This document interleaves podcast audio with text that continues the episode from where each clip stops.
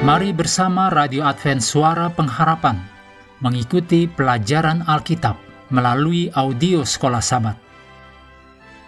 Selanjutnya kita masuk untuk pelajaran hari Senin 17 Oktober dengan judul Dari Kekuatan Kubur.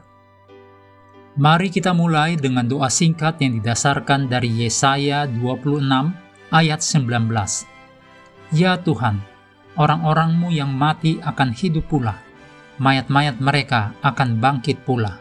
Amin.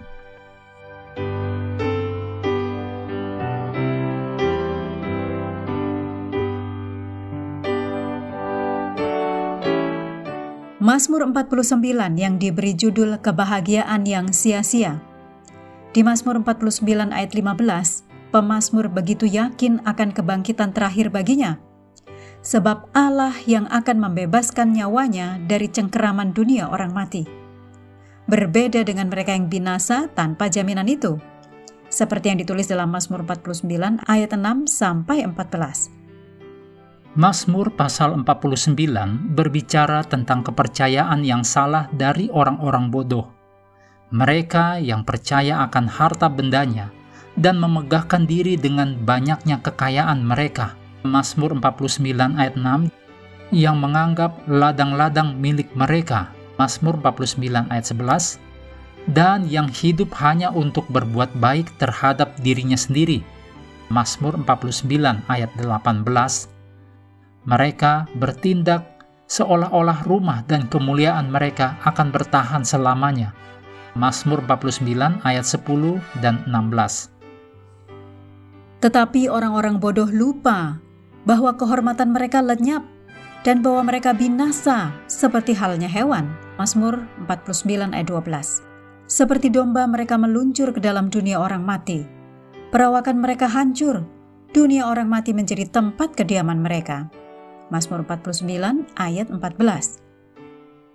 Seperti yang dinyatakan oleh Ayub berabad-abad sebelumnya, Ayub 1 ayat 21 dikatakan, dengan telanjang aku keluar dari kandungan ibuku, dengan telanjang juga aku akan kembali ke dalamnya. Hal senada juga terdapat dalam 1 Timotius 6 ayat 7. Pemasmur menunjukkan bahwa baik orang bodoh maupun orang bijak mati, meninggalkan harta benda mereka untuk orang lain. Mazmur 49 ayat 10. Tetapi ada perbedaan yang radikal di antara mereka di satu sisi ada orang bodoh yang binasa, meskipun berusaha menemukan kepastian dalam kepemilikan dan pencapaian sendiri yang sementara. Sebaliknya, orang bijak melihat di balik kisah manusia dan penjara kubur, ada upah mulia yang telah disediakan Allah untuknya.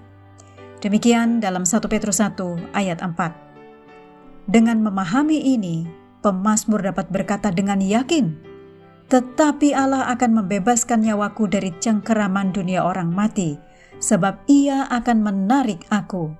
Mazmur 49 ayat 15 Tetap sama dengan harapan perjanjian lama. Pernyataan ini tidak menunjukkan bahwa pada saat kematiannya, jiwa sang pemasmur akan langsung terbang ke surga. Pemasmur hanya mengatakan bahwa dia tidak akan tinggal selamanya di dalam kubur. Waktunya akan tiba ketika Tuhan akan menebus dia dari kematian dan membawanya ke pengadilan surgawi. Sekali lagi, gambaran adanya kepastian kebangkitan di masa depan membawa harapan, kepastian, dan makna pada keberadaan kita saat ini.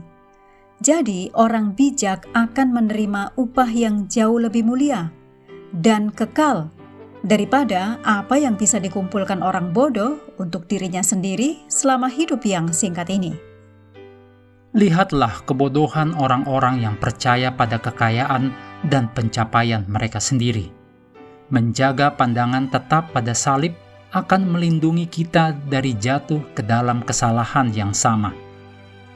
Mengakhiri pelajaran hari ini, mari kita kembali kepada ayat hafalan kita dalam Ibrani 11 ayat 17 dan 19.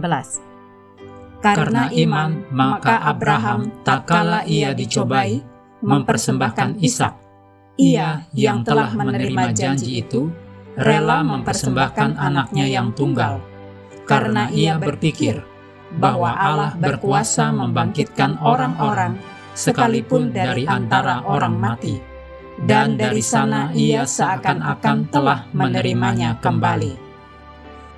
Hendaklah kita mengambil waktu bersekutu dengan Tuhan setiap hari, bersama dengan seluruh anggota keluarga, baik melalui renungan harian, pelajaran sekolah sahabat, juga bacaan Alkitab sedunia percayalah kepada nabi-nabinya, yang untuk hari ini melanjutkan dari 2 Samuel pasal 10. Tuhan memberkati kita semua.